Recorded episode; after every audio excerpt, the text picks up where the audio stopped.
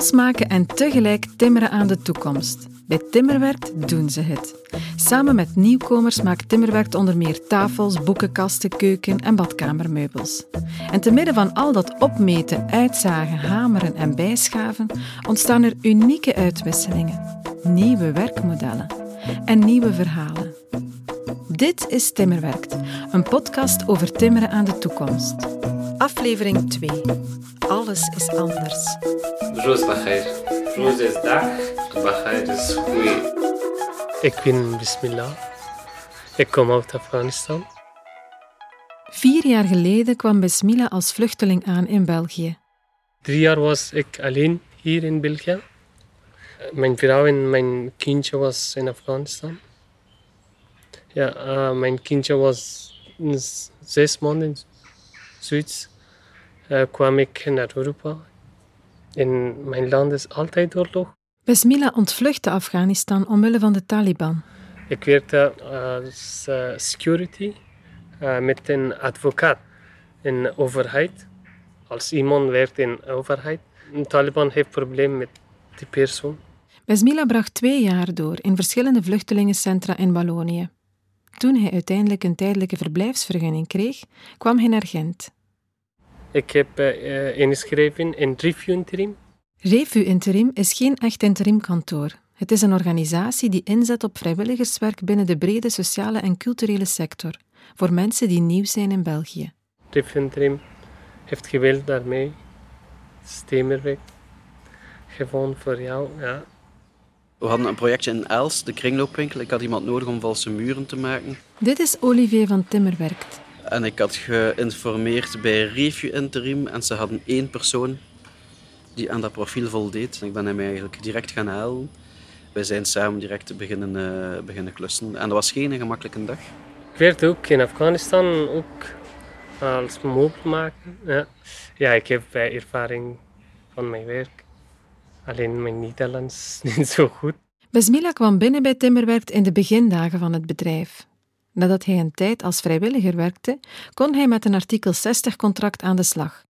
Dat is een vorm van maatschappelijke dienstverlening waarbij het OCMW een baan bezorgt aan iemand die uit de boot valt op de arbeidsmarkt.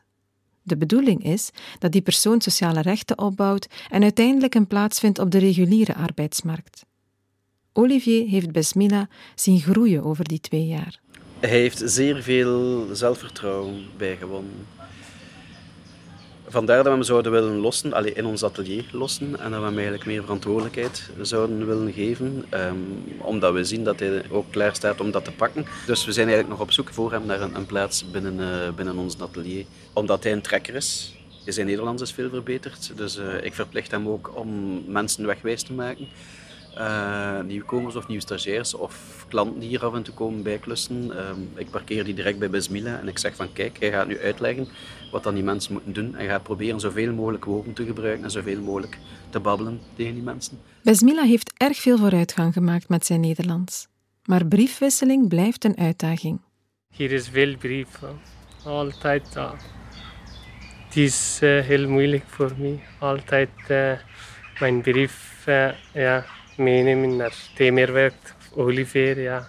Lezen wat is deze.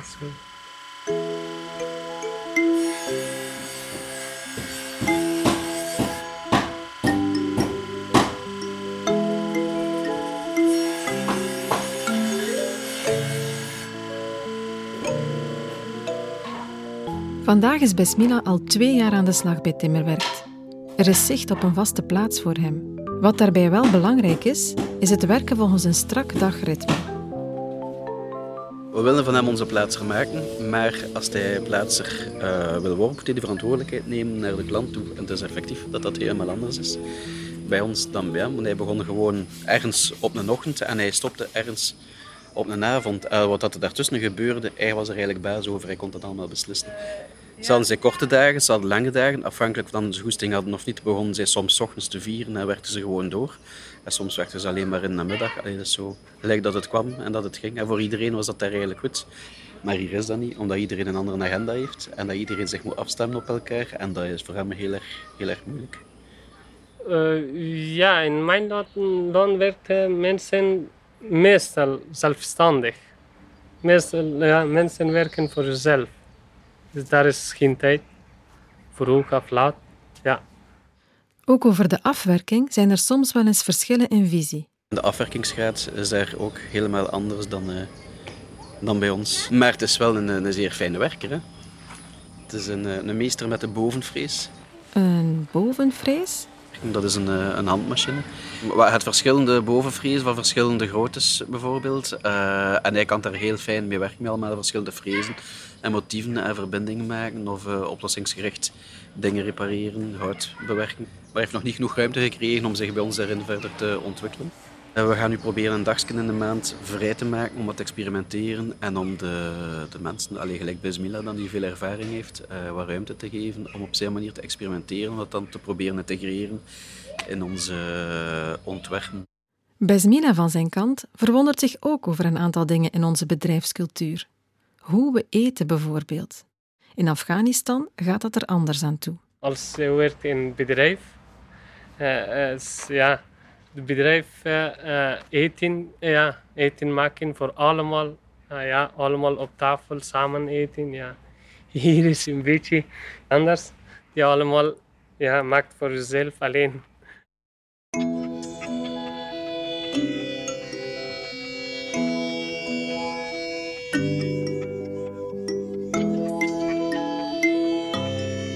Besmila was al een jaar bij Timmerwerk aan het werk toen zijn vrouw en dochter konden overkomen uit Afghanistan.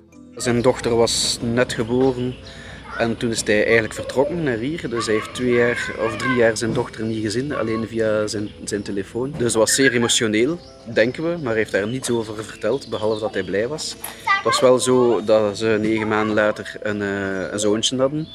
Dus ze hebben het daar direct wel goed gemaakt. Olivier en zijn collega's probeerden een stukje netwerk te bieden aan Besmila en zijn zwangere vrouw. Dat is onwaarschijnlijk hè, om iemand uh, als haar hier te laten toekomen in Gent um, op een klein appartementje ergens langs de spoorweg en dan in die omstandigheden ja, gaan die zwangerschap moeten uitdragen en moeten bevallen in een land dat je niet kent, in een cultuur dat je niet kent, met mensen dat je niet kent en dat helemaal niet kunnen delen met, u, met uw familie, waar dat alles gewoon zo gemeenschappelijk beleefd wordt. Ik denk dat, allez, dat moet onvoorstelbaar zijn. Besmila nodigt me uit bij hem thuis. De huiskamer is een gezellige plek vol tapijten en kussens. Zijn zoontje Zikri is intussen negen maanden en kruipt lustig in het rond. Rana, het dochtertje van vijf, is verlegen achter de hoek gekropen. Ik trek mijn schoenen uit en ga zitten op de grond. Dit is Marcia, de vrouw van Besmila. Hoe lang ben jij hier nu? ondertussen? Ja, ik ben bijna uh, een jaar en een half. Ja. ja. Maar dat is nog niet zo lang, hè? Ja. Nee. Marcia geneert zich een beetje, omdat ze nog niet vlot kan communiceren in het Nederlands. De voorbije maanden konden de lessen niet doorgaan omwille van de coronamaatregelen. Dat maakt dat ze weinig kans heeft gehad om te oefenen. We hebben het over taal. Ik wil graag meer weten over de moedertaal van Marcia en Besmila. Ze spreken Dari. Afghanistan is ook, uh, like, uh, Bilka heeft twee officiële talen. Ja, Dari en Pashto. Ik kan Pashto een beetje spreken. Zijn dat heel verschillende talen? Ja, ja hetzelfde taal. Ja. Het alfabet is hetzelfde, maar ja, het is hetzelfde. Besmila vertelt over de verschillende bevolkingsgroepen. In, in Afghanistan wonen veel soorten mensen. Dus Pashto, Hazara, Ozbek, Tajik, ja. Hindoe. Hindoe. Ja. Maar uh, er is een probleem. Ik ben Hazara en de Taliban zeggen altijd: uh, jullie, ja, jullie zijn niet echt moslim. Zo. Ik zoek een en ander op over de Hazara. Het is een etnische groep uit Centraal-Azië die tegenwoordig hoofdzakelijk in het centrale berggebied van Afghanistan woont. Door hun geloof en uiterlijke kenmerken worden de Hazara behandeld als buitenbeentjes in Afghanistan. Ze kennen een geschiedenis van vervolging. In de 20e eeuw werden Hazara als tweederangsburgers behandeld door de Pashtuns, een andere bevolkingsgroep in Afghanistan. In 1996 nam de Taliban de macht over. Het kwam tot massamoorden op de Hazara, die zelfs beschouwd worden als een genocide. Na de val van de Taliban-regering in 2001 kregen de Hazara meer rechten. Maar nog steeds worden ze slachtoffer van geweld door de Taliban en andere extremistische groeperingen. Besmila werd in Afghanistan dubbel geviseerd door de Taliban, omdat hij voor de overheid werkte en omdat hij Hazara is. Ja, Taliban heeft uh, niet alleen met Hazara probleem, ja, ook met uh, Pashto, met, uh, als iemand werkt in de overheid, Taliban ja, heeft altijd probleem. Nadat er opnieuw iemand uit Besmila's omgeving werd vermoord, besloot hij op zoek te gaan naar een veiliger leven buiten Afghanistan. Ik ben eerst naar Pakistan gegaan ja, en dan naar Iran zonder paspoort. Ja, van uh, Iran naar Turkije ook. In de uh, bergen wandeling. ja, ik heb één nacht elf uur gelopen. Niet wandelen, alleen lopen. De reis was erg stresserend, want Besmila was onderweg zonder paspoort. Hij moest ervoor zorgen dat hij uit handen van de politie kon blijven. Voor sommige stukken was hij aangewezen op mensensmokkelaars. In één auto, kleine auto voor, uh, voor vijf personen. Ah ja, uh, we hebben uh, met dertien personen gezeten. Dus ja, zo. Het is ook heel duur, moet veel betalen voor de mensen die helpt. De overtocht tussen Turkije en Griekenland was voor Besmila, net zoals voor veel vluchtelingen, een beangstigende beproeving. Met de boot was super moeilijk. Bijna, ja, ja bijna dood. Ja, mijn boot was uh, kapot. Het was in de zee, ja.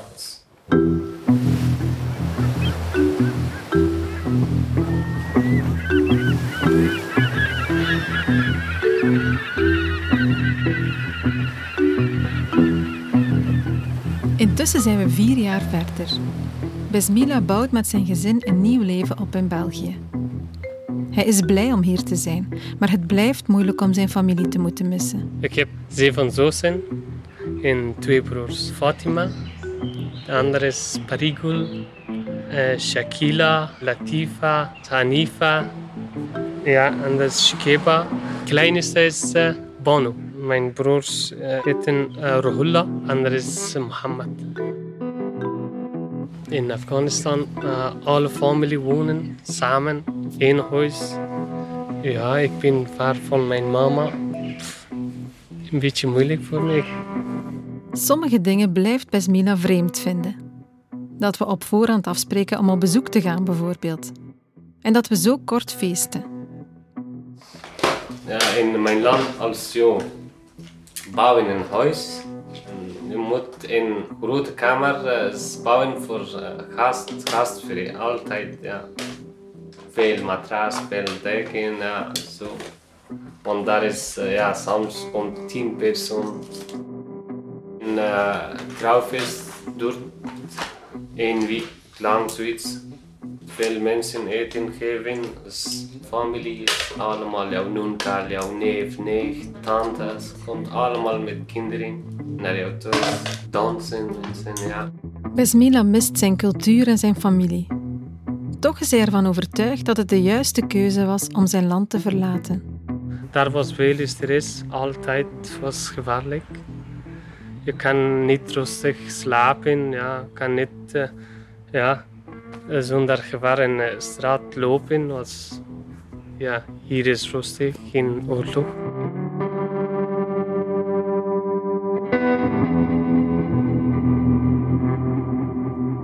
Voor Hans van Timmerwerk zijn de nieuwe verhalen die ontstaan in de werkplaats even belangrijk als de meubels die er worden gemaakt. Al wil dat niet zeggen dat alles altijd van een leien dakje loopt. Wat Besmila betreft zijn er soms verschillen in visie op het vlak van technische aanpak en esthetiek.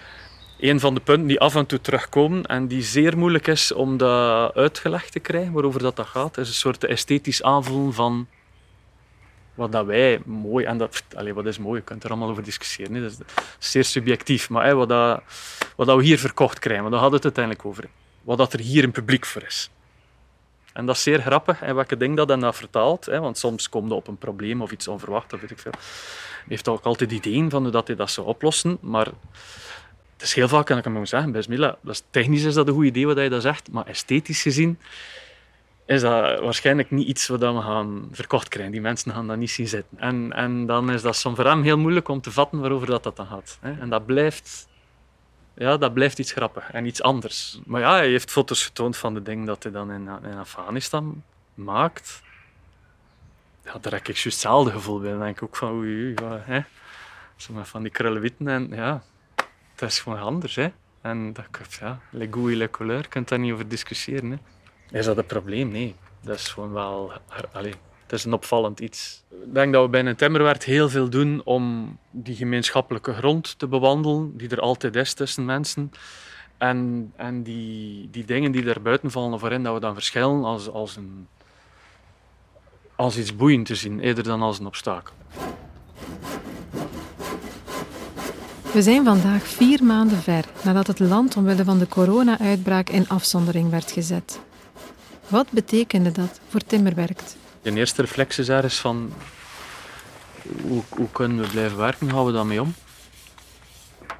Maar de realiteit is dan zo snel ingehaald dat we dan eigenlijk na een week moeten beseffen van ja, we kunnen hier nu nog een paar dingen afwerken, maar dan stopt het. Het probleem was dat we niet meer bij mensen thuis mochten gaan. Dat was gewoon carrément verboden. Dus dan uh, dat stokt in uitvoer. Dus dat is vrij snel, was dat vrij snel duidelijk. En dat, dat was wel een heftige week. Maar daarna hebben we daar eigenlijk redelijk snel rust in gevonden. Um, ook financieel al bij al, zonder al te grote kleerscheuren. Allee, we hadden gehoopt om dit jaar een klein beetje reserve op te bouwen. De dien is er nu alweer door, maar het is ook niet dat we putten in de weg achter ons gelaten hebben. Het model van Timmerwerkt blijkt veerkrachtig.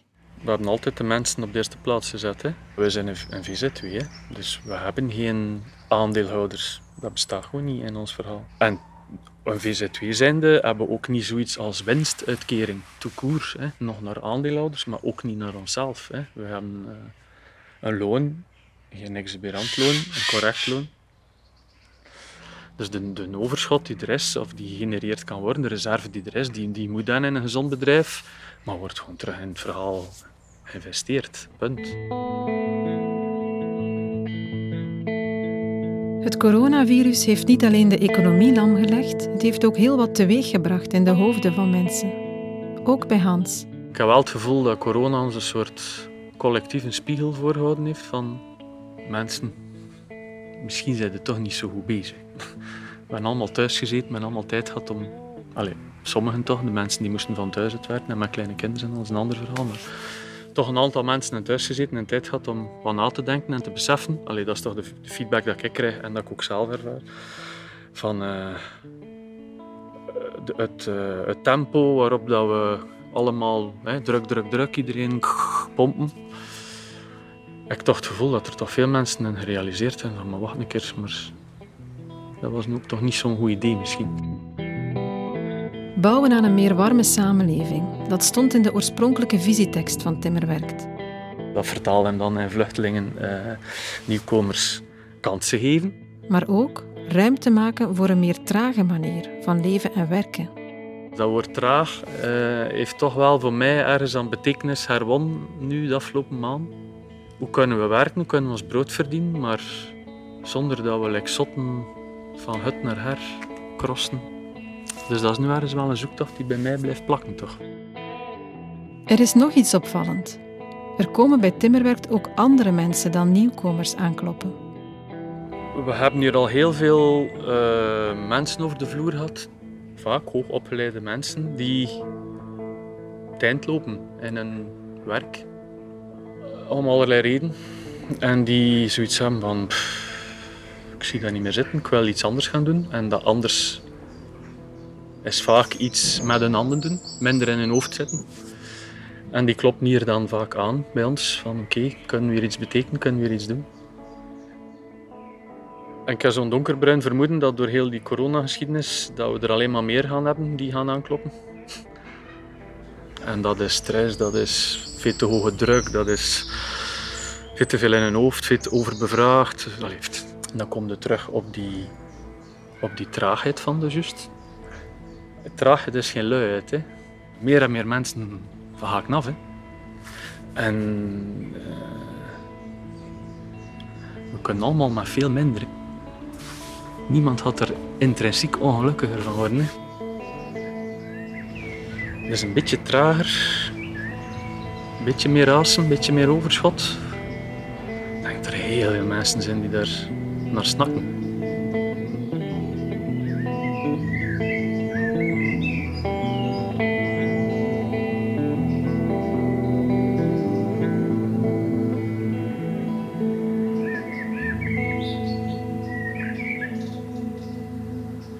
Dit was de tweede aflevering van Timmerwerkt, een podcast over timmeren aan de toekomst. Ik ben Eva de Grote en ik maakte deze podcast met Ruben Nachtergalen. De begin- en eindtune is van Hans Grijyaert en Jurgen de Blonde.